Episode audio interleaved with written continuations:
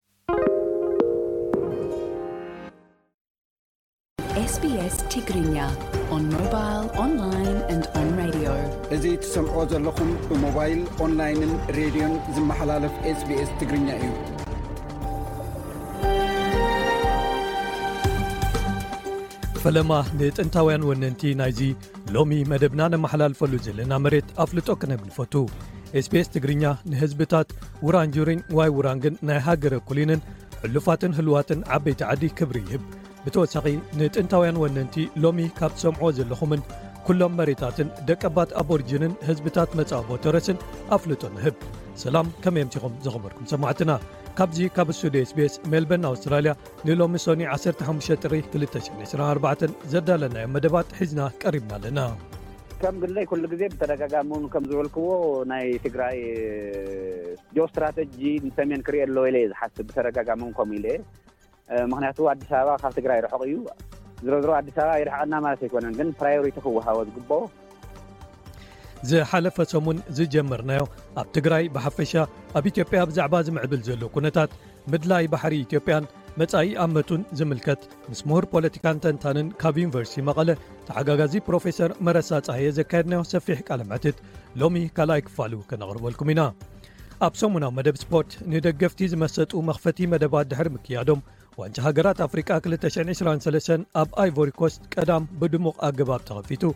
ኣይቮሪኮስ ብዓወት ክትጅምር እንከላ ናይጀርያ ምስ ኢኳቶርያል ጊኒ ግብፂ ምስ ሞዛምቢክ ካብ ትፅቢት ወፃኢ ማዕረ ወፅኤን ኢትዮጵያዊ ገዲም ተቐዳዳማይ ብሽክለታ ፅጋቡ ግርማይ ኣብ ቅድድም ብሽክለታ ዙር ሩዋንዳ ድሕሪ ምስታፉ ካብቲ ስፖርት ክሰናበት ምዃኑ ኣፍሊጡ ኤርትራዊ መንሰይ ዩኤል ሃብታብ ምስ ጀርመናዊት ጋንታ ባይከይድ ተፀንቢሩ ኮንፈደሬሽን ኩዕሶ እግሪ ኣፍሪቃ ኣብ ልዕሊ ሓደ ምትላል ዕድመ ፈጺሙ ዝተባህለ ጋቦናዊ ተጻዋታይ መርመራ የካይድ ከም ዘሎ ገሊጹ ፍርቀን ፕሪምየር ሊግ ጋንታታት ዓዲ እንግሊዝ ጥራይ ግጥማትን ኣብ ዘካየዳሉ ሰሙን ኣሌክሳንደር ይሳቅ ሽቶን ተመዝገበ እኳ ጋንቱ ኒውካስል ዩናይትድ ብቻምፕዮንስ ማንቸስተር ሲቲ ተሳዒራ ዝብሉ ንዝርዝሮም ኣረስታት እዮም እንግሊዝኛ ናይ ምዝራብ ክእለትና ከነመሓይሽ ዝሕግዝ ሓረጋት ቋንቋ እንግሊዝ እናደጋገምና ንመሃረሉ መደብ ኢንግሊሽ ኦን ሪፒት ኣለና። ሰዓቱ ሓልዩ ክቐርብ እዩ። ሶኒ ብምዃኑ ንሎሚ ይምጥኑ እዮም ዝበልናዮም ገለ ጣዕመ ዜማታት እውን ከነቕርበልኩም ኢና። ነዚ ሰዓት ምሳኹም ዝጸንሕ ኢብራሂም ዓሊ'የ። ሰናይ ምክትታል እናበልኩ ናብ ዜና ከሕልፈኩም።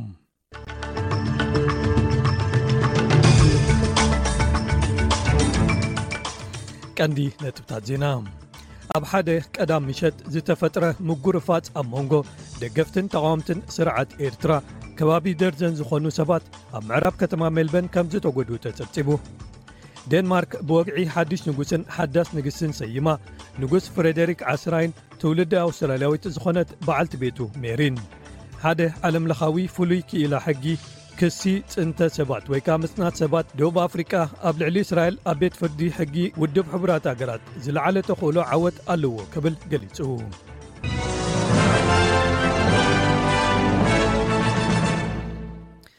ኣብ ሓደ ቀዳም ምሸት ዝተፈጥረ ምጉርፋፅ ኣብ መንጎ ደገፍትን ተቃወምትን ስርዓት ኤርትራ ከባቢ ደርዘን ዝኾኑ ሰባት ኣብ ምዕራብ ከተማ ሜልበን ኣውስትራልያ ከም ዝተጎድኡ ተጸብጺቡ። እቶም ዝቃወሙ ዝነበሩ ሰባት ናብ ሓደ ኣብ ከባቢ ሴን ኦልባንስ ዝርከብ ፌስቲቫል ኤርትራ ዝካየደሉ ዝነበረ መዘናግዒ ኣደራሽ ኣትዮም ኣለዉ ዝብል ሓበሬታ ምስ መጸ ፖሊስ ቁሩብ ድሕሪ ሰዓት ሽዱሽተ ፈረቓ ናይ ምሸት መፅዋዕታ ከምዝተገብረሎም ገሊፆም። እቶም ፖሊስ ብተወሳኺ ካብ ሰብዓ ክሳብ ሚእቲ ዝኾኑ ሰባት ኣብቲ ኣዳራሽ ብምብፃሕ መንደቕ ዘሊሎም ነቶም ኣብ ውሽጢ ዝነበሩ ኣጋይሽ ምስ ገጠምዎም ባእሲ ከምዝተፈጥረ ኣባላትና ተሓቢሮም ኢሎም።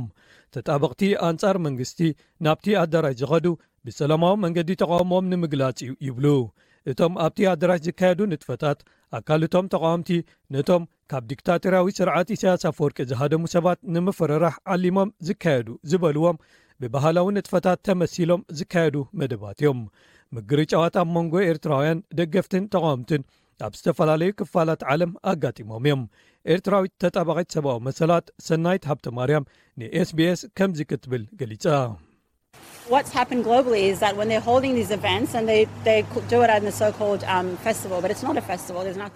ኣብ መላእ ዓለም ዝኸውን ዘሎ ነዞም በዓላት ክገብሩ እንከለዉ ኣብ ትሕቲ እቶም ፌስቲቫላት ዝብልዎም እዮም ዘካይድዎም ፌስቲቫላት ግን ኣይኮኑን ፌስቲቫል ይኹን ባህላዊ ዝበሃል የብሎምን ጎነፃዊ ምፍጣጣት እዮም ዝካየዱ ዘለዉ ንሕና ንሰብኣዊ መሰላት ኢና ደው ንብል ንሰላም ኢና ደው ንብል ኣዳለውቲ ፌስቲቫል ኤርትራን ቆንስል ኤርትራን ርእይቶ ክህቡ ካብ ኤስቢኤስ ንዝቐረበሎም ሕቶ መልሲ ኣይሃቡን። ፖሊስ ኣብ ዙርያ'ቶም ፍጻመታት ዝነበሩ ነገራት ንምጽራይ መርመራ የካይዱ ምህላዎም'ውን ሓቢሮም ኣለው።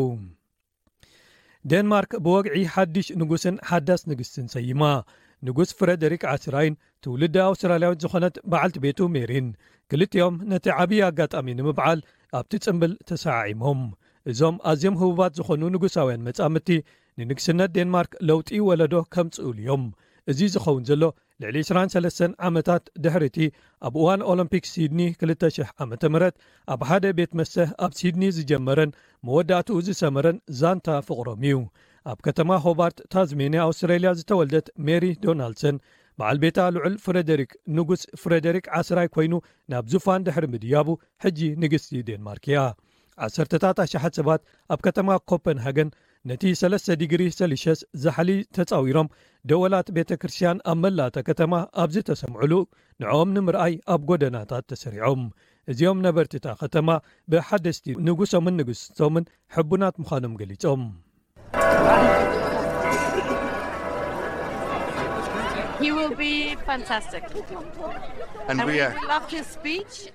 ንጉስ ፍረደሪክ ንፉዕን ጽቡቕን ክኸውን እዩ መደርኡን ኩሉ እቲ ዝበሎም ፈትናዮ ካብ ሕጂ ንንዮ ከኣ ንጉስና ክኸውን ብሃንቀውታ ኢና ንጽበ ጽቡቕ ነይሩ ቁሩብ ሕንቕንቕ ዘብል እዚኦም ሓደስቲ እዋናት እዮም ንግስትናውን ንፈትዋ ኢና እዚ ምርኽኻብ ንግስነት ዝመጽእ ዘሎ ንግስቲ ማርጋሬት ኣብ ናይ ድሮ ሓድሽ ዓመት መልእኽታ ሃንደበት ካብ ዙፋና ክትወርድ ምዃና ድሕሪ ምግላጻ እዩ።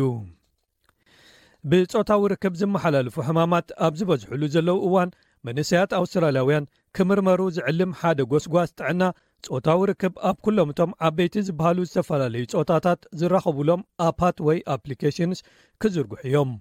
እዚ ቢፎር ፕለይ ዝተባሃለ ጎስጓስ ሰንበት እዩ ብወግዒ ብሚኒስተር ጥዕና ማርክ ባትለር ዝተበገሰ። ብምምርማርን ድሕነቱ ዝተሓለወ ጾታዊ ርክብ ብምክያድን ወሰኽ ምስፍሕፋሕ ረኽሲታት ደው ክብል ሰባት እጃሞም ከበርክቱኻ ከተባብዕ እዩ። እዚ ዝመጽእ ዘሎ ቁጽሪ ብጾታዊ ርክባት ዝመሓላለፉ ሕማማት ኣብ መላእ ሃገር ዓቢ ወሰኽ ኣብ ዝርኣዩሉ እዋን እዩ። ፍንጣጣ፣ ጅግልን ክላሚድያን ዓቢ ወሰኽ የርእዩ ኣለዉ። ካብቶም መራኸቢ ኣፓት ወጻኢ እዚ ናይ ትሽዓተ ሰሙን ጎስጓስ ኣብ መላእ ማሕበራዊ መድረኻት፣ ዩኒቨርሲቲታት፣ ቤት መስተታትን ክለባትን ከም ዝረኣ ክግበር እዩ። ናብ ብዝሐ ባህላውን ቀዳሞት ህዝብታትን እውን ተተርጒሙ ክቐርብ ምዃኑ ሓቢሮም ኣለዉ። ሓደ ዓለምለኻዊ ፍሉይ ክኢላ ሕጊ ክሲ ምጽናት ሰባት ደቡብ ኣፍሪቃ ኣብ ልዕሊ እስራኤል ኣብ ቤት ፍርዲ ሕጊ ውድብ ሕቡራት ኣገራት ዝለዓለ ተኽእሎ ዓወት ኣለዎ ክብል ገሊጹ ዋላ እኳ እቲ መስርሕ ፍርዲ ገና ኣብ መባእታዊ ደረጅኡ እንተሃለወ ብወገን ደቡብ ኣፍሪቃ ኣብ ግዜ እቲ ድሕሪ ወተሃደራዊ መጥቃዕቲ ጉጅለ ሓማስ ጥቅምቲ ሸውዓተ ዝተጀመረ ወተሃደራዊ ስርሒታት እስራኤል ኣንጻር ህዝብታት ፍልስጤም ገበን ምጽናት ሰባት ትፍጽም ኣላ ክብል ይኸስስ እስራኤል እቲ ምጽናት ሰባት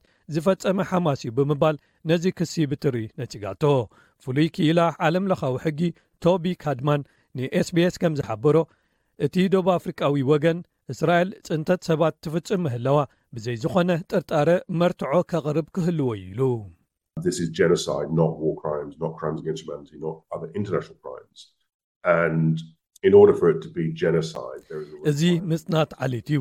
ገበናት ኲናት ኣይኮነን፣ ገበናት ኣንጻር ሰብኣውነት ኣይኮነን፣ ወይ ካልእ ዓለምለኻዊ ገበን እውን ኣይኮነን። እዚ ምጽናት ዓሌት ንኽኸውን ኣብ ትሕቲ ውዕል ምጽናት ዓሌት ንሓደ ኣብ ትሕቲ ሓለዋ ዝርከብ ጕጅለ ብምሉእ ወይ ብኸፊል ከተዕኑ ወይ ከተጥፍእ ንጹር ዝዀነ ዕላማ ወይ ድሌት ምህላው ከተመስክር ይግባእ። ስለዚ ገበናት ኲናት ወይ ገበናት ኣንጻር ሰብኣውነት እውን ክኸውን እንተኸኣለ እቲ ንጹር ዕላማ ወይ ድሌት ክሳብ ዘይብልካ ኣብ ትሕቲ ውዕል ምጽናት ዓሌት ግድን ዝኣቱ ወይ ዝሕሰብ ኣይኮነን ማለት እዩ። እዚ ከምዚ ኢሉ እንከሎ፣ ጥቅምቲ ሸውዓተ መጥቃዕቲ ሓማስ ካብ ዝተኻየደሉ እዋን መበል ሓደ ሚእቲ መዓልቶም ኣብ ዝገበረሉ፣ ታንክታትን ነፈርትን እስራኤል ኣብ ደቡባውን ማእከላይን ቓዛ ደብዳባት ፈጺመን፣ መራኸቢታትን ኣገልግሎታት ኢንተርነታትን ንሳልሳይ ተኸታታሊ መዓልቶም ኣቋሪጾም ንዕማም እቶም ነቶም ኣብ ኲናት ዝተሓመሱ ከባቢታት ዝርከቡ ህዝብታት ኣብ ገለ ከባቢታት ጽዑቕ ኲናት ዝካየደሎም ማለት እዩ ክሕግዙ ንዝፍትኑ ኣባላት ህጹታት ኣገልግሎታትን ኣምቡላንስን ከቢድ ገይርዎ ኣሎ እስራኤል በዚ ክስታት ኣይሲj ከይተጓናደበት ኣብ ቓዛ ተካይዶ ዘላ ኲናት ክትቅጽሎ ምዃና ቀዳማይ ሚኒስተር ቤንያሚን ነታንያሁ ኣፍሊጡ ኣሎ ሓንቲ ጃፓናዊት ሰባት ጽዒና ትጓዓዝ ዝነበረት መጓዓዚት ነፋሪት ቁሩብ ድሕሪ ምብጋሳ ብምኽንያት ኣብቲ መስኮት መራሕታ ኣብ በረራ እንከላ ዝተረኽበ ነቓዕ ናብቲ ዝተበገሰትሉ መዓርፎ ነፈርቲ ክትምለስ ተገዲዳ ብመሰረት ሓደ ኣፈኛ መንገዲ ኣየር ኦል ኒፐን ኤርወይስ በረራ ቁፅሪ 118 ናብ መዓርፎ ነፈርቲ ቶያ ማያ ተምርሕ ነይራ እንተኾነ ግን ድሕሪ'ቲ ዘጋጠማ መንቃዕቲ ናብ ሳፖሮ ኒው ቺቶስ ተመሊሳ። እቲ ኣፈኛ፣ ኣብታ ቦይንግ ሰቨን ስሪ ሰቨን ኤይት ሃንድረድ ዝዓይነታ ነፋሪት ካብ ዝነበሩ ሓምሳን ሸዓተን ተሳፈርቲ መጉዳእቲ ዘጋጠሞ ሰብ ኣይነበረን ኢሉ። እዚ ዝመጽእ ዘሎ፣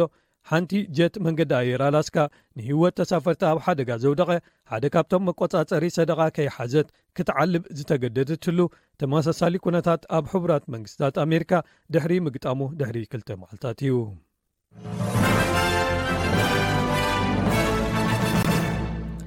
ኣብ ዜናታት ስፖርት ኸኣ ኖቫክ ጆኮቪች ኣንጻር ድምብርፅ ዘይበሎ መንእሰይ ዲኖ ፕሪዝሚች ገጢሙ ከይሰዓር ዝነበረ ፍርሒ ሰጊሩ ቀዳማይ ዓወቱ ኣብ መኽፈቲ ግጥማት ባይታ ቴኒስ ኣውስትራልያን ኦፕን ኣመዝጊቡ ወዲ 18 ዓመት ብመጻረይ ዝሓለፈ ፕሪዝሚች ንፈለማ ግዜኡ ኣብ ዓብዪ ውድድር ባይታ ቴኒስ ወይ ግራንድ ስላም ተጻዊቱ ኣብ ካልኣይቲ ሴት ንጆኮቪች ክስዕሮ እንከሎ ኣብታ ሳልሰይቲ ከኣ ሰለስተ ግዜ ንሰርብታት ጆኮቪች ብምምላስ መኪቱ። ድሒሩ ግን እቲ ዕስራን ኣርባዕተን ግዜ ተዓዋቲ ግራንድ ስላማት ዝኾነ ጆኮቪች ተመሊሱ ሓዪሉ ብምጥንኻር ኣብቲ ኣዳራሽ ሮድ ሌይቨር ኣሬና ሰንበት ምሸት ብ ኣርባዕተ ሴት ተዓዊቱ። መበል ዓሰርተ ሓደ ጽዋዕ ኣውስትራልያን ኦፐን ዘማዕዱ ዘሎ ጆኮቪች ምስ መደበር ዜና ቻለን ናይን ኣብ ዘካየዶ ዕላል በቲ መንእሰይ ክሮኤሽያዊ መጋጥምቱ ከምዝተመሰጠ ገሊጹ።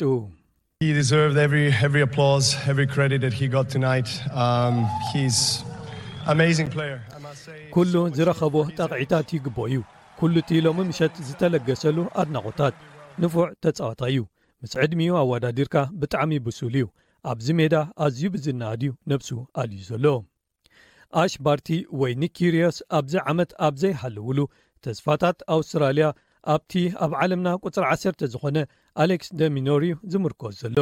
ካብቶም ኣብ ካልኣይቲ መዓልቲ ግጥማቶም ካብ መንጎ ዘካየዱ ዓሰርተ ሓደ ደቂ ዓዲ ንሱ ኣንፃር ካናዳዊ ሚሎስ ራዮኒች ሎሚ ምሸት ክገጥም እዩ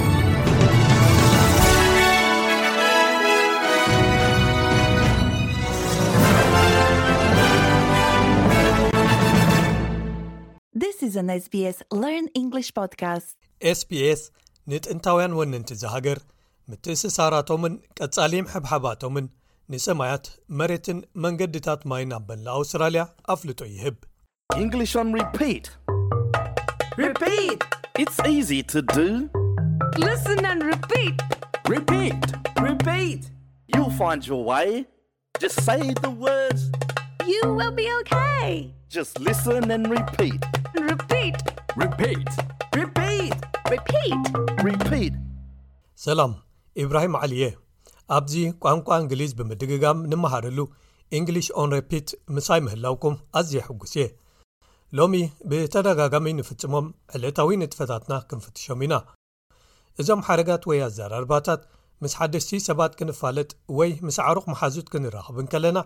ኣዝዮም ኣገደስቲ ይዀኑ። ዕለታዊ ልምድታትኩም ምስ ሰባት ምክፋል ዝምድና ክትፈጥሩ ይሕግዙ፣ ዕላል ንምጅማር ከኣ ብሉጻት ኣገባባት እዮም። ስለዚ ቋንቋ እንግሊዝ ንምሃር ኣለና ጥራይ ዘይኰነ፣ ንዕለታዊ ርክባትና ዝዀኑ ገለ ምዕቡላት መበገሲታት ዕላል ንኸስብ ወይ ንረክብ ኣለና ማለት እዩ። እሞ ድልዋት ዲኹም? ብጣዕሚ ጽቡቕ። ደድሕሪ ፒተር ዓርከይ እናደገምና ልምምድና በሉ ንጀምር። ግን ኩሉ ግዜ ንኩነታትኩም ብዝበለጸ ዝሰማምዑ ዝተፈላለዩ ቃላት ጌርኩም ክትለማመዱ ነጻ ኢኹም። መጀመርታ እምባር ንግሆ ዲኹም ትትስኡ ዝትርጉሙ ሕቶ ክንሰምዕ ኢና።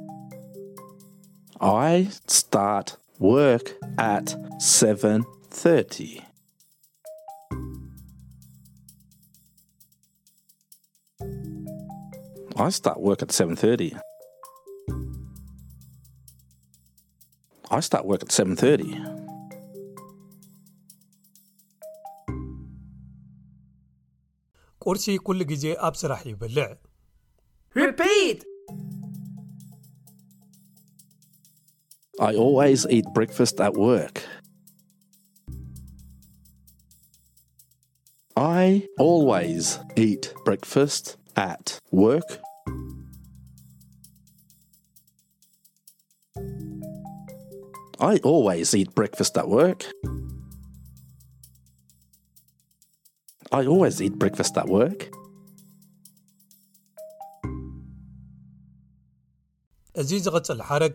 ብዛዕባ ሓደ ሰብ እንታይ ይሰርሕ ወይ እንታይ ይሓስብ ምቕሉል ብዝኾነ ኣገባብ ክንፈልጥ ኣብ ንደልየሉ ክንጥቀመሉ ንኽእል ሕቶ እዩ። ትርጉሙ ከኣ ንስኹም ከ ማለት እዩ። Repeat! What about you? What about you? What about you? What about you? እሞ ሕጂ ኩልና ነዞም ኣባሃላታት እንታይ ማለት ምዃኖም ፈሊጥናዮም ስለ ዘለና ደጊምና ኣብ ምባሎም መሊስና ንለማመድ ኣብዚ ዙርያ ነቶም መምሃሪ መሳርሒ መንኮርኮሪታት ክንገድፎም ኢና ትርጉም ዝበሃል የለን ፅሩይ ምልምማድ ቋንቋ ጥራይ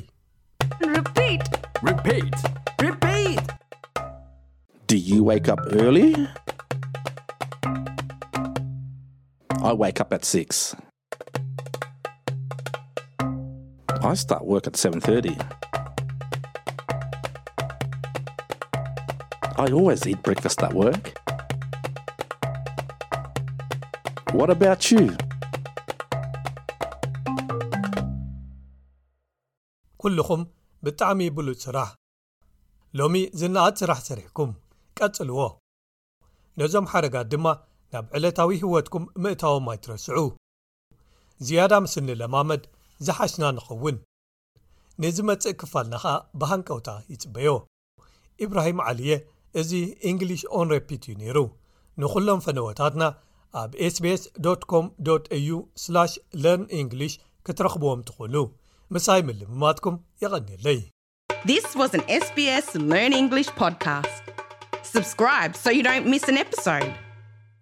ክብራት ሰማዕትና ሰማዕቲ ሬድዮ ስቤስ ኣብ ዝሓለፈ እዋን ብዛዕባ ኣብ ትግራይ ዘሎ ኩነታት ፖለቲካን ምዕባሊኡን ምስ ተሓጋጋዚ ፕሮፌሰር መረሳ ፀሃየ ቃለ ምልልስ ኣካየድና ነርና ሎሚ ድማ ካልኣይን ናይ መወዳእታን ክፋሉ ቀሪብና ኣለና ኣብዚ ናይ ሎሚ ንድህስሶ ብዛዕባ ትግራይን ብዛዕባ ኣብቲ ከባቢ ዘሎ ብፍላይ ድማ ፈደራል ኢትዮጵያ ብዛዕባ ምድላይ ባሕርን ምስ ተተሓሒዙ ዝምዕብል ዘሎ ኩነታት ፖለቲካ ቀርኒ ኣፍሪቃ ዝድህስስ እዩ። ምክትታልኩም እናሓተትና ካብቲ ዝገደፍናዮ ክንቅጽል። እዚ እትሰምዕዎ ዘለኹም መደብ ብቋንቋ ትግርኛ ዝፍኖ ሬድዮ ኤስቢኤስ እዩ። ካብ ኣባህላኻ እቲ ስትራቴጂካዊ ክስታይሲ ምስ ኤርትራ እዩ ኣጸቢቑ ከዋጽእ ዝኽእል ስለዚ እዚ ኪንዮ መንግስቲ ሓሲብናስ ከመይ ጌርና ሓቢርና ክንነብር ወይ ከዓስ ክንሰርሕ ከም ዘለናስ ክንሓስብ ኣለና ይመስለኒ እቲ ቀንዲ ኣተኩሮ ክግበር ከም ግለይ ኩሉ ግዜ ብተደጋጋሚ እውን ከም ዝበልክዎ ናይ ትግራይ ስትራቴጂካዊ ጆ ስትራቴጂ ንሰሜን ክርኢ ኣለዎ ኢለ እየ ዝሓስብ ብተደጋጋሚ እውን ከምኡ ኢለ እየ ምክንያቱ ኣዲስ ኣበባ ካብ ትግራይ ርሑቕ እዩ ዝሮ ዝሮ ኣዲስ ኣበባ ይርሕቐና ማለት ኣይኮነን ግን ፕራዮሪቲ ክወሃቦ ዝግብኦ በዚ ሕዚ ኣዲስ ኣበባ ኦሮሞ ማእኸል ዝገበረ ኣምሓራን ኦሮሞን ዝዋጠጥሉ ናይ ኦሮሞ ስትራቴጂካዊ ረብሓ ዘሳኺዒ ሕዚ ተመሊስካ ነዲስ ኣበባ ከም ዜጋታት ክንነብረሉ ንኽእል ኢና። ከም ስትራተጂካዊ ረብሓ ግን ኩሉ ግዜ ብተደጋጋሚ ከም ዝብሎ ናብ ቀይሕ ባሕሪ ገጹ ዝኣንፈቱ ክኸውን እዩ ዝግብኦ። ምስ ኤርትራ ዘለና ርክብ እዩ ክመሓየሽ ዘለዎ። እዚ ማለት ድማ ኣብ ክልቲኡ ህዝብታት ዝነበረ ርክብ ብተደጋጋሚ ምይይጥ ሃልይዎ ከመይ ኢና ናብ ንቡር ንመልሶ ዝብል ክህሉ ክእል እኒኦ ኣሎ። ስለዚ ናተይ ቅዋም ኩሉ ግዜ ከምኡ እዩ ንሰሜን ገፅና ክንሪኢ ኣለና ዝብል እዩ ኣብዚ ለንቅነ ኣዛራቢ ኮይኑ ዝቀነየ ብዛዕባ ባሕሪ ዝምልከት እዩ ብፍላይ ድማ ብዘፈረመ ናይ መሰማምዒ ሰነድ ውዕል ኣብ መንጎ ሶማሌላንድን ቀዳማይ ሚኒስቴር ኢትዮጵያ ኣብይ ዝመርሖ ናይ ኢትዮጵያን ውዕል ኣሎ ብፍላይ ድማ ምስቲ ናይ ትግራይ ፖለቲካ ብከመይ ተተኣሳስሮ ኣብ ገሊኡ ውን እንታይ ዝብሉ ኣለው እዚ ናይ ኩሽ ምስፍሕፋሕ ኣሎ ኣብ ገሊኦም ናይ ኦሮሞ ኢሊታት ማለት እዩ ኣብ ሶማሊላንድ እውን ከምኡ ዓይነት ኣሎ ናይ ኩሽ ዝበሃል ምንቅስቃሳት እውን ኣሎ ዝበሃል ዘረባ ኣሎ እዚ ምስኡ ይተኣሳሰር ዶ ማለት መንግስቲ ከሎስ ኣብ ርእሲ መንግስቲ እዮም ምስ ሓንቲ ዞባ ገና ኣፍልጦ ዘይረኸባ ስምምዕ ተገይሩ ብካልእ ሸነክ ድማ ካልእ ድፍኢት ኣሎ ብደገ ናይ በዓል ኢማራት ምናልባት ብውስን እውን ኣሜሪካ እውን ክትልዎ ትኽእል እያ ዝብል ክስታያት ኣሉ ክሳብ ክንዲዚ ድፍረት ክኸይድ ኣይምክኣለን ዝብል ኣሎሞ እዚ ኩሉ ጠቓሊልካ ክትሪኦ ከለኻ ኣብ ምንታይ ንምብፃሕ እዩ እዚ ኸ ምስቲ ኣብ ትግራይ ብሓፈሻ ድማ ኣብ ኢትዮጵያ ዘሎ ፖለቲካ ከመይ ክቃዶ እዩ ወይ ክፀረር እዩ? ከም ዝፍለጥ ብተደጋጋሚ እውን ቅድሚ ሕዚ ዝተዛረብክዎ ዘረባ ነይሩ ተፈጢሩ እኒኦ ካብ ክልተ ሺሕን ዓሰርተ ሸሞንተን ናብዚ ዘሎ ናይ ቀርኒ ኣፍሪካ ናይ ሓይሊ ኣሰላልፋ ለውጢ ነቲ ቀርኒ ኣፍሪካ ናይ ቅርፅን ትሕዝቶን ለውጢ ከምፀሉ ዝኽእል ለውጢ እዩ መፂኡ እኒሀ ኤግዛክትሊ እዞም ሓይልታት እዚኦም ሶማልያን ኤርትራን ኢትዮጵያን ኣብ ናይ ትግራይ ግዜ ናይ ቀርኒ ኣፍሪቃ ኮንፌደሬሽን ዶ ፌደሬሽን ዝብል ናይ ባህርዳር ስምምዕነት ፈጺሞም ጎንደር ስምምዕነት ፈጺሞም ኣብኡ እንታይ ኢኻ ትሪኣ ሃገራት እዮም ስምምዕነት ፈጺሞ ኣይገነስ ናይ ሰልፊ ዲተርሚኔሽን ሕቶ ዘለዎም ከም ትግራይ ማለት እዩ ሕዚ ተመሳሳሊ ኬዝ ኢና ናብ ሶማሌ ንወስዶ ዘለና ዓባይ ሶማልያ ዝብለ ኣሎ ኢትዮጵያ እውን ዓባይ ኢትዮጵያ ትብል ኣላ እግረ መንገዱ ግን እቲ ናይ ኣብ ውሽጢ ኢትዮጵያ ተወሲድካዮ ድማ እቲ ናይ ኦሮሞ ሓይሊ እግረ መንገዱ ናይ ኢትዮጵያ እውን ይመርሕ ኣሎ እግረ መንገዱ ከዓ እቲ ናይ ኩሽ ኢምፓየር ዝብል መሰል ዓርሰ ውሳነ ኦሮሚያ ዝብል እውን ኣብ ውሽጡ ከም ዘሎ ትሓስብ ኢኻ ኣነ ከመይ እየ ዝሪኦ ኣብ መንጎ ሃገራትን ናይ መሰል ዓርሰ ውሳነ ሓይልታትን ዝግበር ቃልሲ እዩ እቲ ዝሓሸ ዝመስለኒ ከመይ እቲ ናይ ለምቕነ ኣነ ከመይ እየ ተመልኪተዮ እቲ ኦርደር እቲ ናይ ስቴት ኦርደር ዝብል ናይ ሃገራት እዩ ዝብል እሱ ቻለንጅ ዝግበር ከም ዘሎ እየ ርእየ ምክንያቱ ንሶማሊላንድ ኣፍልጦ እንድሕር ሂብካ እንታይ ማለት እዩ ኣብ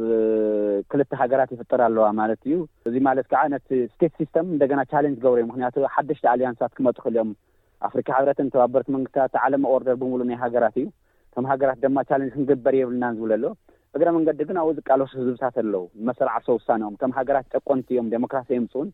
ስለዚ መሰል ዓርሰ ውሳነና ክመጽእ ኣለዎ ዝብል ሕዚ ከም ትግራይ ኣነ ተርእየዮ ናይ መሰል ዓርሰ ውሳነ ሓይልታትን ናይ ሃገራትን ዝግበር ቃልሲ ጋና ኣይተወደን ኢለ እየ ዝሓስብ። ናይ ሶማሊ ላንድ እውን ተመሳሳላይ ዋላ ድሕሪ ነዊሕ ግዜ ኣፍልጦ ናይ ኢትዮጵያ መንግስቲ ክህብ ከሎ። እግረ መንገዱ ናይቲ ዓረብ ሃገራትን ናይ ዓለም ለኸ ሓይሊ ኣሰላልፋን ኣብ ቀርኒ ኣፍሪካ መንጎ ኢሳያስን ፎርማጆን ጅቡትን ዝነበረ ስምምዕነታት ንዕኡ መልሲ ምሃብ ይመስል። ካልኣይ ከዓ ነቲ ናይ ካይሮ ኣግሪመንት ዝነበረ ናይ ዓሰርተ ትሽዓተ ስሳን ኣርባዕተን ኮሎኒያል ቦርደርስ ዝብል እውን ቻሌንጅ ዝገብሮ ይመስለኒ። እግረ መንገዱ ሶማሊላንድ ኣፍልጦ ብኢትዮጵያ መንግስቲ ተረኺባ ሶማሊላንድ ኣብ ትሕቲ እንግሊዝ ነይራ ናይ እንግሊዝ መንግስቲ እንታይ ዓይነት መልሲ ከምዝህብ እውን ንፅበ ኢና ማለት እዩ። ስለዚ ሓደ ሃገራት ግን ብብዙሓት ሕጂ ይኹነን እዩ ዘሎ ማለት ዋላ ኣብዚ ሎማዓንቲ እውን ሓደ መግለፂ ውፅኢ ኣሎ መንግስቲ ኢትዮጵያ ማለት እዩ ኣፍልጦ ንምሃብ ከም ዘይኮነ ዝብል ኣዘራርባታት ኣሎ ሶማሊላንድ ክደልይዎ ክእሉ እዮም ግን ዓብ ፀቕጢ ኣሎ ማለት ብሓፈሽኡ እቲ ሕብረት ኣፍሪቃ ኣይቅበሎን ይከም ተተቀቢልዎ ብምሉእ ፋሕፋሕ ክትብል እያ ማለት እዩ ኣፍሪቃ ፕረሲደንሲ ክፈጥር እዩ ማለት እዩ እቲ ኩነታት ስለዚ ዋላ ይድለ እቲ ሶማሊላንድ ምበር እቲ ጻቕጢ ኣዝዩ ከቢድ እዩ ዘሎ ስለዚ ቁርብ ኣሎ ማለት እ መንገዲ ከምኡ ዓይነት ናይ ምፍጣር ማለት መፅን ዝኾና ከም በዓል ሶማሊላንድ ሃገር ክምስረቲና ኢለን ካብቲ ቅድሚ ሕጂ ዝነበሮ ሕጂ ብዙ ኩነታት ክትሪኦ ከለኻስ ዝፈኮሰ ድዩ ዝመስል እቲ ቀይዲ ባይ ዘ ዌይ ኣብቲ መሰል ዓርሰ ውሳነ ናይ ሪኮግኒሽን ሕቶ ክነብል ከለና ዋ ዓብዪ ነገር ኣብ ግምት ክነእትዎ ዘለና ዝፍለጥ ዓለም ናይ ሃገራት እዩ ሃገራት ከዓ መሰል ዓርሰ ቴሪቶሪያል ሶቨርንቲ ሕል ኣለዎ ዝብል ኣግሪመንት ኣለወን ነገር ግን እዚ ኩሉ ግዜ ዲክቴት ዝግበር ብፓወር ብጂኦፖለቲካ ኣቀረማማምጣን ብዲፕሎማስያዊ ዓቕምን እዩ በቲ ሕጋውነቱ ኣይኮነን ዓብዪ ነገር ዝኸውን ሕጊ እዩ ዓለም ለኸ ሕጊ እዩ ሕጊ እዩ እዚ ፍሉጥ እዩ ናይ ካይራ ኣግሪመንት ኣሎ ዝተባበረት መንግስታት ኣሎ ግን ኩሉ ግዜ ሰልፍ ዲተርሚነሽን ዝፍጸም ናይ ሓይሊ ሓይሊ ተልዩካ ናይ ጂኦፖለቲካ ረብሓ እንተልዩካ ናይ ዲፕሎማሲ ዓቕሚ ተልዩካ እዩ ሕዚ ዝፍጠር ዘሎ ሃገራት ናይ ኢትዮጵያ መንግስቲ ተፅዕኖ ክፈጠ ክመፀሉ ከም ዝኽእል ዝፍለጥ እዩ መመራንዶም ኦፍ ኣንደርስታንዲንግ እዩ እውን እዚ ዝኣክል ክትብሎ ትኽእል ኢኻ እግረ መንገዱ ግን ኣነ ኣብ ናይ ኣብዪ ዝረኣኽዎ ነገር ዝሓሰቦ ነገር ካብ ምፍፃም ድሕሪት ዝብል ኮይኑ ረኽቦን ክሳብ ሕዚ ብዘሎ ክስታይ እግረ መንገዲ ከኣ ስቕ ኢሉ ናይ ኢትዮጵያ መንግስቲ ደስ ስለ ዝበሎ ዝፈጸሞ ውዕል እዩ ኢለ ኣይሓስብን። ብዙሕ ነገር ኮንሲደር ተገይሩ ናይ ዓረብ ኤምሬት ይኹን ናይ ካሊእ ናይ ዓረብ ሃገራት ዘሎ ናይ ፖለቲካ ሓይሊ ኣሰላልፋ ኣብ ግምት ኣትዩ ናይ ቀርኒ ኣፍሪቃ ዝኔዉ ሃገራት ኣፍሪካ ሕብረት ኢንፋክት ክፍተን እዩ ምክንያቱ መንበሪኦ ኣዲስ ኣበባ እዩ ኣፍሪካ ሕብረት ደሞ ከምዚ ዓይነት ናይ ሃገራት ሕብረት እዩ ናይ ሃገራት ጥራይት ይኹን ናይ መንግስታት እዩ ናይ ዴሞክራሲያዊ ዘይኮኑ መንግስታት ሕብረት እውን እዩ ክኹንን ይኽእል እዩ ቀልጢፉ ክኹንን ኣይሰማዕናዮን ክሳብ ሕዚ ዘሎ ግን ዝሮ ዝሮ ፋክትስ ኦን ዘ ግራውንድ እንድሕር ተቐሚጦምስ እዚ ዝኣክል በቶም ዝኔው ናይ ዲፕሎማሲ ተፅዕኖታት ይቕየር እዩ ዝብል ዘይክህሉ ይኽእል እዩ ምክንያቱ ስኢሉ ተፀኒዑ ዝተገበረ ዝሓስብ እምበር በጋጣሚ ወይ ደስ ስለ ዝበሎም ወይ ንዝኾነ መራሒ ከናዱ ኢሎም ዝሓሰቡ ወይ ገሬ ይወስድ እና እዚ ኣብ ግምት እቲኻ ናይ መጀመርያ ክመፅእ ዝኽእል ተፃባኦ ፍሉጥ እዩ ምኹናን ከም ዝኸውን ምኽንያቱ ሸክ ክገብሮ እዩ ሓድሽ ነቲ ጀኦፖለቲካ ከናውጾ ከም ዝኽእል ተሪኢኻ እና እዚኣብ ግምት እእቲኻ ናይ ኢትዮጵያ መንግስቲ ዓብዪ ተጽዕኖ እንዳበጽሐ ይኸይድ ድዩ ዝብል እርግጸኛ ኣይኮንኩን ብስሩ እቲ ኦፍሻሊ ሪኮግኒሽን ክሳብ ዝህቡ እውን ንግዚኡ ኣጀንዳ መቐየሪ ድዩ መቐየርን ዝብል እውን ክነብል ንኽእል ኢና ኣካል ናይቲ ቀይሕ ባሕሪ ሕቶ እውን ጌርና ክንወስዶ ንኽእል ኢና ስለዚ ቀሊል ዘይኸውንን ኣፍሪካ ሕብረት ድማ ቻለንጅ ክግበር እዩ ምክንያቱ ኣቋሙ ግልፂ ክገብር ኣብ ኣዲስ ኣበባ እዩ ዘሎ ክቋወሞ እየ ዝብል ተኮይኑ እውን ምስ ናይ ኢትዮጵያ መንግስቲ ዘለዎ ርክብታ ክኸውን ከም ዝኽእል ኣይፍለጥን ምስ ናይ ዓረብ ሃገራት ካልኦት ሃገራት ኣይደኖ ድሕሪ ኢትዮጵያ ኦፍሻሊ ብዝገበረቶ ካልኦት ሃገራት ይስዕባ ድየን ይስዕባ ንውን ኣብ ግምት እቲኻ ዝረኣዩና ግን ሓድሽ ኦርደር ይፍጠር ከም ዘለ ግን ክንስሕት የብልና ንዑ የተዓዘዙ ናይ ቅርፅን ለውጥንሓድሽ ኦርደር ኢልካ ንምናልባት እዚ ተተፈፂሙ እሞ ኣፍልጦ ተዋሂብዎ ብኩነኔ ጥራይ ተተሓሊፉ ኣብ ውሽጢ ኢትዮጵያ እውን ከምኡ ዓይነታት ክፍጠር ይኽእል እዩ ንኣብነት ከም ዝበልኮ ናይ ኩሽ ኢምፓየር ዝበሃል ውሽጢ ውሽጢ ዝበላላዕ ነገራት ኣሎ ብዓብዪ እውን ናይ ትግራይ ሕቶ እውን ኣሎ ዳርጋ ዝበዝሐ ከም ዝመስለኒ ብፍላይቲ መንእሰይ ዘሎ ተን ፖለቲካውያን ሓይልታት እውን ድሕሪ ሕድጂ በቃ ገዛእ ርእስና ዝኽኣልና ሃገር ኢና ዝብል ኣሎ እዚ መገዲ ከይፀርግ ኣይሰግእን ዶ ኣብይ ወይስ ይደልዮ እዩ ነዚ ከምዚታት ምክንያቱ ኣብ ጫፍ ዘሎ ኩነታት እዩ ዙይ ስለዚ እዚ እንዳፈለጠ እዩ ዝኣትዎ ዘሎ ስለዚ ነዚስ መገዲ የርሑ ከም ዘሎ እንዳፈለጠ ይኣትዎ ኣሎ ማለት እዩ መሰብ ዓንተ ዘልኩካ እዩ እቲ ዝግበር ዘሎ ቃልሲ ኣብ መንጎ ሃገርን ኣብ መንጎ ናይ መሰል ዓርሰ ውሳነ ሓይልታትን እዩ ኣብ ናይ ኦሮምያ ከም ዝፍለጥ ኦነግ ንልዕሊ ሓምሳ ስሳ ዓመታት ናይ ኦሮምያ ነጻ ሃገር ንምስርት ኢና ዝብል ቃልሲ ኣሎ። ናይ ኦነግ ጥራይ ኣይመስለንን እቲ ሓሳብ እሱ። ኢንፋክት ኦሮሞ ንኢትዮጵያ ሐዚ ይመርሕ ኣለዎ ኣብይ ኣሎ። እግረ መንገዱ እዙይ ማለት ግን እቲ ናይ ኦሮምያ ሕቶ መሰል ዓርሰ ውሳነ እንድሕር ኣብ ኢትዮጵያ ዘይተሳኺዕሎም ገዲፎሞ እዮም ማለት ኣይኮነን። እቲ ናይ ኩሽ ኢምፓየር እውን ብተደጋጋሚ ዝተዘረበሉ እዩ ቀሊል ነገር ኣይኮነን። That's why ዝብለካ ዘለኹስ ክልቲኡ መንገዲ ሒዞም ይኸዱ ክህልው ይኽእሉ እዮም። ብኽልቲኡ ስለ ዝረብሖም ማለት እዩ። ብሃገራት እውን ይረብሖም እዩ። ብመሰል ዓርሰ ውሳነ ዓብዪ ኢምፓየር እውን ተሰሪሓ እውን ይጠቕሞም እዩ። ስለዚ እዚስ ካብ ናይ ኦሮሞ ረብሓ ተሪእኻዮስ ቦዝወይ ይሰርሐሎም እዩ ኢለ እየ ዝወስድ። ኣብ ናይ ትግራይ ተመሳሳሊ እዩ። መሰል ዓርሰ ውሳነ ሓይሊ እዩ ናይ ትግራይ ናይ ትግራይ መሰል ዓርሰ ውሳነ ኢትዮጵያ ኣብ ኢትዮጵያ ዝምለስ ተኮይኑ ክምለስ እዩ ዘይምለስ ተኮይኑ ግን ሚልዮን ህዝቢ መስዋእቲ ዝተኸፈለሉ እዩ። እቲ ሕቶ እውን ሕዚ ስኢሉ ሕዞም እኒ ውድባት ዝፈጠርዎ ሕቶ ኣይኮነን። ምስቲ ኣጠቓላሊ ሕቶ ናይ ቀርኒ ኣፍሪካን ናይ ትግራይ ህልውናን ዝውሰን እዩ ዝኸውን። ንህልውና ኢላ እውን እያ ክልተ ዓመት ሙሉእ ልዕሊ ሓደ ሚሊዮን ህዝቢ ዝገበረቶ መስዋእቲ ኣሎ። እቲ ሕቶ እሱ ስኒየ እዩ ፔንዲንግ እዩ ዝኒሀ እምበር ናይ ትግራይ መሰል ዓርሰ ውሳነ ሕቶ ከምዘሎ እዩ። ዳስዋይ እያ ዝብልካ ዘለኹ ኣብ መንጎ ሃገራትን ብለዛም ደሞክራስያዊ ዘይኮኑ ዩኒተሪስት ዝመስሉ ሃገራትን ናብ መንጎ መሰል ዓርሰ ውሳነ ሓይልታትን ናይ ምብራቕ ኣፍሪካ ሃገራት ድማ ተሪኸን ካብ ዓሰርተ ትሽዓተ ስሳን ሓደን ኣትሒዝና ካብ ናይ ኤርትራ ቃልሲ ካብ ዝጅመር ክሳብ ሕዚ እቶም መሰል ዓርሰ ውሳነ ሓይልታት ጋና ሕቶኦም እይተመለሰን ሃገራት መፅየን ኣለዋ ብዝብል ንግዚኡ ኮንቴይን ተገይሮም ኣለዉ ግን መሰረታዊ ሕቶታት ኣይመፁን ምክንያቱ ኣብ ኣምሓራ ትሪኦ ዘለካ ቃልሲ ኦሮምያ ትሪኦ ዘለካ ቃልሲ ኣብ መንጎ ፌደራል መንግስትን ኦላን ዘሎ እዚ ዘርእየካ ኣብ ክልቲኦም ዘሎ ጎንጺ ዘይተፈትሐ ምዃኑ ጋና ግዜ ዝሕሉ ዘሎ ምዃኑ ስለዚ እቲ ናይ ሶማሊላንድ እውን ኣካል ናቱ ትሪገር ጌርካ ክትወስዶ ትኽእል ኢኻ ኣብ ክልቲኦም ዝግበር ሓይልታት እና ንዑ እውን ሓድሽ ኦርደር ድዩ ዲስ ኦርደር ብዘየግድስ ዕጹው ጌርና ክንወስዶ የብልናና ምክንያቱ ከምቲ ኣብ ኣውሮፓ ዝተረኣየ ናይ ኔሽን ስቴት ሞቭመንትስ እውን ክመፅ ይኽእሉ እዮም ዝብል ግምት ኣለኒ ሕራይ ናይ መወዳእታ ሕቶይ መፃኢ ኣብዚ ቁርብ እዋን እንታይ ዝረኣየካ ብፍላይ ሕጂ ከም ዝበልካዮ ሓድሽ ነገራት ይረአ ኣሎ ማለት ባዕሉ እቲ መንግስቲ ናይ ኢትዮጵያ እዩ ነዚ ነገራት እዚ ፋሕፋሕ ዘብሎ ዘሎ ከምዝሪኦ ዘለኹ ማለት ቀዳዳት ወይ ንቕዓት እንዳፈጠረ ካልእ ዓይነት ፀገማት እውን እንዳተፈጥረ እዩ ዝመፅእ ዘሎ ሞ ኢትዮጵያ ከም ኢትዮጵያ ናይ ምቐፃል ብወቢሉ ድማ ሃገራት ሓደሽቲ ሃገራት ናይ ምውፃእ ካብዚ ዓባይ ኢትዮጵያ ተኽእሎ ኣሎ ዲብ ዝቕርብ እዋን እንድሕር ከምኡ ኮይኑ በዚ ትብሎ ዘለካ ማለት እዩ ናብኡ ገፁ ዝከይድ ኣሎ ስለ ዝበልካ እየ ከምኡ እንተኮይኑ ከ ኣብቲ ዞባ እንታይ ክፍጠር ዓለም ከ እንታይ ክትምላሽ ክትህብ ነዚ ጉዳይ እዚ ብቀሊሉ መቸም ኣይረኣይን እዩ በቲ ሓደ መልክዑ ትሪኦ ዘለና እቲ ናይ ኣብ ትግራይ ዝተኻየደ ኹናት ናቲ ውፅኢት ኢና ንርኢ ዘለና ኢለ እየ ዝሓስብ። እዞም ሓይልታት እዚኦም ክሰባሰቡ ከለዉ ፌደሬሽን ኮንፌደሬሽን ክንምስርት ኢና ኢሎም እዮም። ግን ኣብቲ ሽዑ ግዜ ኮንፌደሬሽን ክንምስርት ኢና ክብሉ ከለዉ ሓደ ፅሒፈ ነይረ እዞም መንግስታት እዚኦም ሌጂትሜት ኢኮኖሚያዊ ዓቕምን ሌጂትመስን የብሎምን ኮንፌደሬሽን ከምፅኡ ዝኽእሉ ኣይኮኑን። ስኺሎም ንሓደ ዓላማ እዮም ዝሰባሰቡ ዘለዉ። ንሓደ ዕላማ ጥራይ ተይኮነስ ነንባዕሎም ዘይተኣማመኑ ክዋደቑ ዝኽእሉ መንግስታት እግረ መንገዱ ግን ሓደ ሓይሊ ኣጥፊእና ጎብለል ንኹን ዝብሉ ሓይልታት እዮም ነይሮም። ፎርማጆ ይኹን ኢሳያስ ይኹን ኣብይ ይኹን። እቲ ሕዚ እኒኦ ውፅኢት ናይዚ ናይ ትግራይ ኲናት ውፅኢት እዩ። እዞም መራሕቲ እዚኦም ኣብቲ ናይ ትግራይ ዝነበሮም ስምምዕነት ምጥልላሞም እዩ ዝመስለኒ ናብዚ ኩሉ እእትይዎም እኒኦ። ሽዑ ክስማዕምዑ ከለዉ ንትግራይ ሓቢርና ነጥፉ እሞ ድሕሪኡ ዘዝረኸብናዮ ስትራተጂካዊ ረብሓና ክነምፅእ ኢሎም ዝተፈራረምዎ ውዕል ዝተጣላለሙ ይመስለኒ። ኣብ ኣብይን ኢሳያስን ዘሎ ምስፍሕፋሕ እውን ናቲ ውጽኢት እዩ ኢለ እየ ዝሓስብ። ኣብ መንጎ ሶማሌ ዘሎ እውን ናቲ ውጽኢት እዩ ኢለ እየ ዝሓስብ። ስለዚ ኣብይ ኣብቲ ዝነበሮ ኣብቲ ዝነበሮ ስምምዕነት ወይ እቶም መራሕቲ ድሕሪ እቲ ናይ ፕሪቶርያ ስምምዕነት ተስማዕምዕዎ ኣይፈጸሙሉን ማለት እዩ። ስለዚ ቀርኒ ኣፍሪካ ከም ዘሎ ካብ ሱዳን ሓዊስና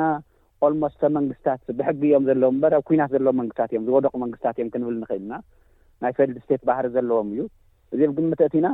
ብእግረ መንገዱ እቶም መራሕቲ ይጓየዩ እዮም ዘለዉ ናብ ሰርቫይቫል ሕቶ ዝኣተዉ ይመስለኒ ኣብ ኤርትራ እውን ንሪኦ ኣልያንስ ካውንተር ኣልያንስ እዮም ዝበዝሑ ዘለዉ ስለዚ እቲ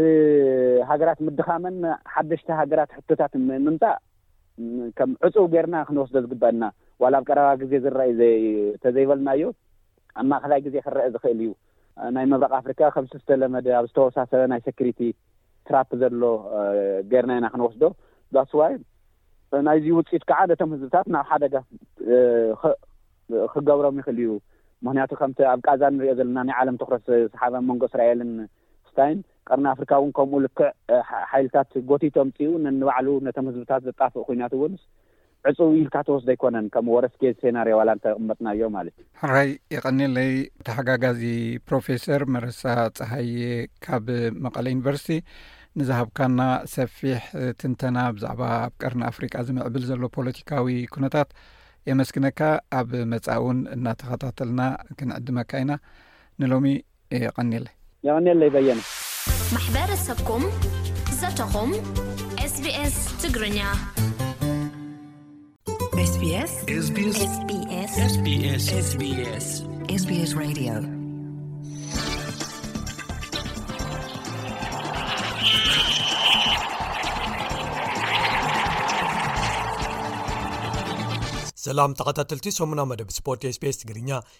ኢብራሂም ዓሊየ ከመይ ቀኒኹም ኣብ ናይ ሎሚ መደብና ንደገፍቲ ዝመሰጡ መኽፈቲ መደባት ድሕሪ ምክያዶም ዋንጫ ሃገራት ኣፍሪቃ 223 ኣብ ኣይቮሪኮስት ቀዳም ብድሙቕ ኣገባብ ተኸፊቱ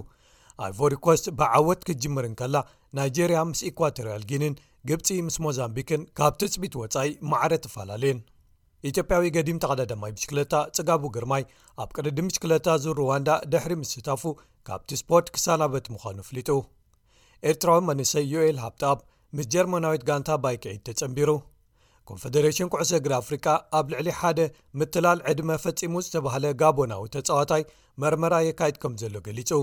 ፍርቀን ፕሪምየር ሊግ ጋንታታት ዓዲ እንግሊዝ ጥራይ ግጥማተን ኣብ ዘካየዳሉ ሰሙን ኣሌክሳንደር ይሳቅ ሽቶን ተመዝገበ እኳ ጋንቱኡ ኒውካስትል ዩናይትድ ብሻምፒዮን ማንቸስተር ሲቲ ተሳዒራ ዝብሉ ገለ ትሕዝቶታት ንምልከቶም እዮም ሰናይ ምክትታል ዝመጽ 15 መያዝያ ኣብ ሕቡራት መንግስታት ኣሜሪካ ዝካየድ ውድድር ጉያ እግሪ መበል 128 ማራቶን ቦስተን 224 ኣብ ዓለም ቅልጡፍ ግዜ ዘመዝገባ 19 ዝለዓላ ተቐዳድምቲ ክሳተፍ ምዃንን ኣዳለው ትፍሊጦም ተዓዋቲት ዝሓለፈ ዓመት ንኬንያዊት ሄለን ኦቢሪ ወሲኽካ እዘን ኣትሌታት ነቲ ርሕቀት ትሕቲ 2 ሰዓትን 23 ካልኢትን ግዜ ብምዝጋብ ዝሸፈኖ እየን እቲ ውራይ ብድምር ልዕሊ 1ደ ሚልዮን ዶላር ንስልማት ዝቐረበ ኮይኑ ክብሪ ወሰን ንዝሰበረ ኣትሌታት ከኣ ከባቢ 50,00 ዶላር ሞቕሽሽ ክህብ እዩ ቅድሚ ሕጂ ተዓዋቲት ማራቶን ቦስተን ዝነበረትን ቅልጡፍ ግዜ ዘመዝገበትን ኢትዮጵያዊት ወርቅነሽ ደገፋ ታዱ ተሾመ ህወት ገብረ ኪዳን መሰረት በለጠ ጥሩየ መስፍን ወርቅነሽ እዴሳ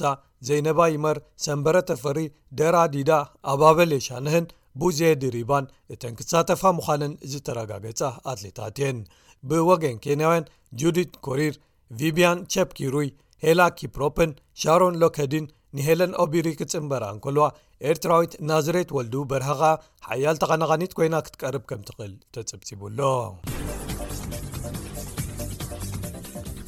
ኣሎኢትዮጵያዊ ገዲም ተቐዳዳማይ ብችክለታ ጽጋቡ ግርማይ ኣብቲ ዝመጽእ ወርሒ ለካትት 224 ዝካየድ ቅድድም ብችክለታ ዙር ሩዋንዳ ድሕሪ ምስታፉ ካብቲ ስፖርት ክሰናበት ምዃኑ ኣፍሊጡ ወዲ ሰላሳን ክልተን ዓመት ኮይኑ ዘሎ ጽጋቡ ወግዓዊ ዓለም ለኻዊ ቅድድሙ ዝጀመረ ኣብዚ ሩዋንዳ 201 ብምንባሩ 14 ዓመታት ዘባጽሐ ናይ ቅድድም ህይወቱ ኣብዚ ውራይ ክዛዝሞ ይደሊ ጽጋቡ ነዚ ዜና ኣብ ዘበሰረሉ ምስ ዞባ ኣፍሪካዊት ጋንታ wሲሲ ኣፍሪቃ ዝጀመረ ናይ ቅድድም ህይወቱ ኣብ ሩዋንዳ ጀሚሩ ኣብ ሩዋንዳ ክዛዝሞ ተሃንጥኡ ከም ዘሎ ኣብ ዝሓበረሉ ዝሓለፈ ረቡዕ 1 ጥሪ ኣብ መዝገብ ኤክስ ኣብ ዝዘርግሖ መልእኽቲ እዩ ኣብ ትግራይ ተወሊዱ ሰለስተ ግዜ ሃገራዊ ሻምፒዮን ቅድድም መንገዲ ኢትዮጵያ ክኸውን እንከሎ ኣብ ቅድድም ቅልጣፈ ግዜ ሃገሩ ሸተ ግዜ ኣብ ቅድድም ቅልጣፈ ግዜ ኣፍሪቃ ከኣ ሓደ ግዜ ተዓዊቱ መበል 16 ዓመታዊ ቅድድም ሽክለታ ዝ ሩዋንዳ ካብ ዕለት 18 ክሳብ 25 ለካቲት ኣብ ዘሎ ግዜ ክካየድ እዩ ክብሉ ኣዳለውቲ ኣፍሊጦም ኣለው ብካልእ ወገን ጀርመናዊት ጋንታ ቀደዲ ብሽክለታ ቲም ባይክ ኤይድ ተስፋ ዘለዎ መንእሰይ ኤርትራዊ ዮኤል ሃብቲኣብ ምስኣ ከም ዝጸንበረቶ ኣፍሊጣ እታ ጋንታ ኣብ ማሕበራዊ መድረኻት ኣብ ዘርግሓቱ ሓበሬታ ካብታ ኣፍቃሪት ብሽክለታ ዝኾነት ኤርትራ ሓደ ካልእ መንእሰይ ናባና ከነምጽእ እንከለና ሓበን ይስምዓና ክትብል ኣስፊራ ዩኤል ከም ኩሎም ኤርትራውያን ኣብ ዓቐብ ሓያል እንተኾነ እኳ እቲ ናይ ብሓቂ ብቕዓቱ ግን ኣብ ምፍንጣስ እዩ ክትብል ወሲኻ ገሊጻ ገዲም ተቐዳዳማይ ዝነበረን ኣብዚ ሕጂ እዋን ኣሰልጣኒ ዝኾነን መሸጣ ብስክለታ ኣብ ኤርትራ ዝውንንን ሜሮን ኣማንኤል እታ ጋንታ ንዩኤል ምስኣ ከተፈርሞ ምኽሪ ከም ዝሃበን ዓብዪ ተራ ብምጽዋቱ ከም እተመስግኖን ኣስፊራ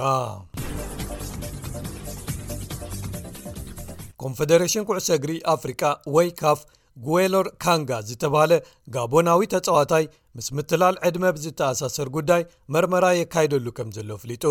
እዚ መርመራ ዝካየድ ዘሎ እቲ 990 ተወሊደ ኢሉ ሓቢሩ ዘሎ ጉዌሎር ኣድኡ ዝመተትሉ እዋን ግን 985 እዩ ዝብሉ ገለ ጸብጻባት ድሕሪ ምውጽኦም እዩ ዕድሚኡ ክቕይር ንምንታይ ከም ዝመረጸ ንጹር ምኽንያት እኳ እንተዘይተረኽበ ብዙሓት ኣትሌታት ግን ብ5 ዓመት ክንእሱ ዝመርጽዎ ነገር እዩ ወግዓዊ ሰነዳቱ ንሱ ኣብ 1990 ዓ ም ከምዝተወልደ እዮም ዘመልክቱ እዚ ግን ኣዲኡ ኣቐዲማ ቅድሚ ሓሙሽተ ዓመት መይታ ዝብል ካልእ ሓበሬታ ብምህላው ኣብ ምልክት ሕቶ ክኣቱ ክኢሉ ኣሎ መበገሲ ናይቲ መርመራ ፈደረሽን ኩዕሰ እግሪ ኮንጎ ሃገራዊት ጋንታ ጋቦን ምስ ኣብ ዝገጠመትሉ እዋን ሓደ ዜግነቱ ዝሓሰወ ተጻዋታይ ኣሰሊፋ ኢላ ጥርዓን ድሕሪ ምቕራባ እዩ ብመሰረት እቲ ጥርዓን እቲ ዝተወልደሉ ቦታ ኣብ ዝብል ኣብ ፓስፖርቱ ኦየም ጋቦን ኢሉ ዘመዝገበ ጉዌሎር ብልክዕ ኣብ 985 ኣብ ኪንሻሳ ዲሞክራቲክ ሪፓብሊክ ኮንጎ ዝተወልደ ክያኩ ክያኩ ኪያንጋና ዝተብሃለ እዩ ኢላ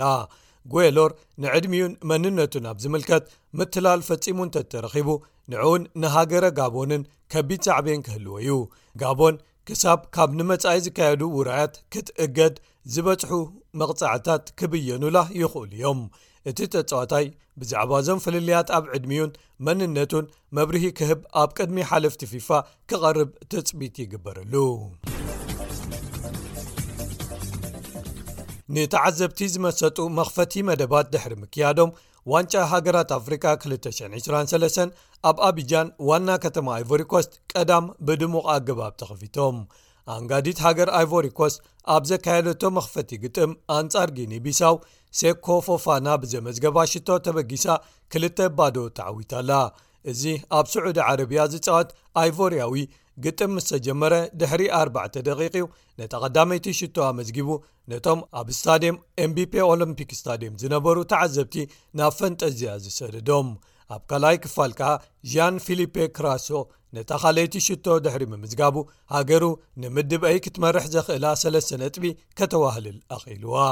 መእተዊ ናብዞም ግጥማት ቲኬታት ካብ 8 ክሳብ 25 ዶላር ኣሜሪካ ኣብ ዝሽየጠሉ እቲ ሓደ ዘሰክፍ ኩነታት ዝነበረ ኣብዚ ግጥም ኣብቲ 60,00 ተዓዘብቲ ዝሕዝ ስታድየም 36,858 ጥራይ ምንባሮም እዩ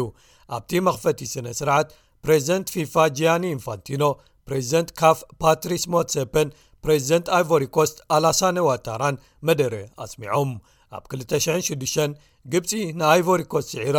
ዋንጫ ሃገራት ኣፍሪቃ ኣብ መሬታ ድሕሪ ምጭባጣ ኣይቮሪኮስት ንዕኡ ክትደግም ትፍትን ዘላ ናይ ፈለማ ሃገር እያ ሰንበት ምሸት ኣብ ዝተኻየዱ ካልኦት ግጥማት እታ ሎሚ ዓመት ዝለዓለ ውፅኢት ከተመዝግብ ልዑል ፀቕጢ ዝግበረላ ዘሎ ናይጀርያ ኣብ ቀዳማይ ምድባዊ ግጥማ ኣንጻር ኢኳቶርያል ጊኒ ማዕረ ሓደ ብሓደ ተፈላለያ ቪክተር ኦሲመን ንናይጀርያ ሽቶ ዘመዝገበ ክኸውን እንከሎ ኢቫን ሳልቫዶር ንኢኳቶርያል ጊኒ ሽቶ ኣመዝጊቡ ግብፅን መሓመድ ሰላሕን ቀዳማይ ግጥሞም ኣንጻር ሞዛምቢክ ኣካይዶም ማዕረ 2ልተ ብ2ልተ ተፈላለዮም ነተን ሽቶታት ብወገን ግብፂ ሙስጠፋ መሓመድን መሓመድ ሰላሕን ከመዝግብወን እንከለው ንሞዛምቢክ ከኣ ዊቲን ክሌስዮ ባክወን ኣመዝጊቦመን ምስራውያን ክሳብ መወዳእታ ሰዓታትን ተወሳኺ ግዜን ክልተ ብሓደ ክምርሑ ድሕሪ ምውዓል እዮም ኣብ መበል 97 ደቂ ዝተዋህበቶም ፍጹም ቅላዕ መቕጻዕቲ ሞሳላሕ ዘመዝገባ ምስሪ ልክዕ ከም ናይጀርያ ክትዕወት ተባሂላ ምስ ኮኸብ ተጻዋታያ ሰላሕ ልዑል ትፅቢት ዝግበረላ ዘሎ እዩ ኣብ መወዳእታ ኸኣ ክቡራት ሰማዕትና ኣብ ፕሪምየር ሊግ ዓዲ እንግሊዝ ዝሓለፈ ሰሙን ገለ ፍርቂ ዝኾና ጋንታታት ግጥማተን ከካይዳ እንከልዋ ዝተረፋኻ ዕረፍቲ ዝወሰዳሉ ነይሩ ኣርሰናል ነዚ ናይ ዳርጋ ክልተ ሰሙን ናይ ዕረፍቲ ግዜያ ክትጥቀመሉ ብምባል ናብቲ ምዉቕ ዝበለ ክሊማ ዘለዎ ዱባይ ሕቡራት ኢማራት ዓረብ ብምጋሽ ልምምዳታ ተካይዳ ኣላ ካብቲ ዘጋጠማ ክልተ ተኸታተልቲ ስዕረታት ኣብ ፕሪምየር ሊግ ተኸቲሉ ዝተፈጥረ ጸቕጢ ኣብ ልዕሊ ኣሰርጣንያ ሚከል ኣርቴታኻ ቁርብ ዕረፍቲ ክህባ እዩ ካብተን ግጥማተን ዘካየዳ ጋንታታት ግን ናብ ታሕቲ ክምለሳ ኣብ ዝለዓለ ስግኣት ዝርከባ በንሊን ሉተን ታውንን ፈለማ ግጥማተን ዘካየዳ ኮይነን ክልተኤን ማዕረ ሓደ ብሓደ ተፈላለየን በንሊ ክትመርሕ ውዒላ ሳሕቲ ዝርከብ ሰለስተ ነጥቢ ኣብ ሜዳኣ ከተዋህልል ሕልማ እንተነበረ እኳ ሉተንታውን ኣካታዒት ዝኾነት ሽቶ ኣመዝጊባ ማዕረ ብፅሒት ክትምቀል ክኢላ ቸልሲ ብወገና ንፉልሃም ብፀቢብ ሓደ ባዶ ኣብ ዝሰዕረትሉ ካብ ማንቸስተር ሲቲ ዝገዛእቶ መንሰይ ኮል ፓልመር ነታ ሽቶ ኣመዝጊብዋ ኒውካስትል ዩናይትድ ኣብ ሜድኣ ንሻምፕዮን ማንቸስተር ሲቲ ኣብ ዘእንገደትሉ መሳጢ ግጥም እዩ ተኻይዱ ኤርትራዊ ሽወደናዊ ኣሌክሳንደር ይሳቅ ሓንቲ ሽቶ ኣመዝጊቡ ንጋንትኡ ማዕረ ሓደ ብሓደ ክትከውን ድሕሪ ምሕጋዙ ወዲ ጋንትኡ ኣንቶኒ ጎርደን ተመሳሳሊ ሽቶ ኣመዝጊቡ ክልተ ብሓደ ንዕረፍቲ ወፂኦም ድሕሪ ዕረፍቲ ግን ድሕሪ ነዊሕ መጉዳእቲ ሓውዩ ተቐይሩ ዝኣተወ ኣከፋፋሊ ሲቲ ቤልጂማዊ ኬቪን ደ ብሩይነ ሓንቲ ሽቶ ባዕሉ ብምምዝጋብን ሓንቲ ከኣ ብምቕባልን ጋንትኡ ክትዕወት ሓጊዙ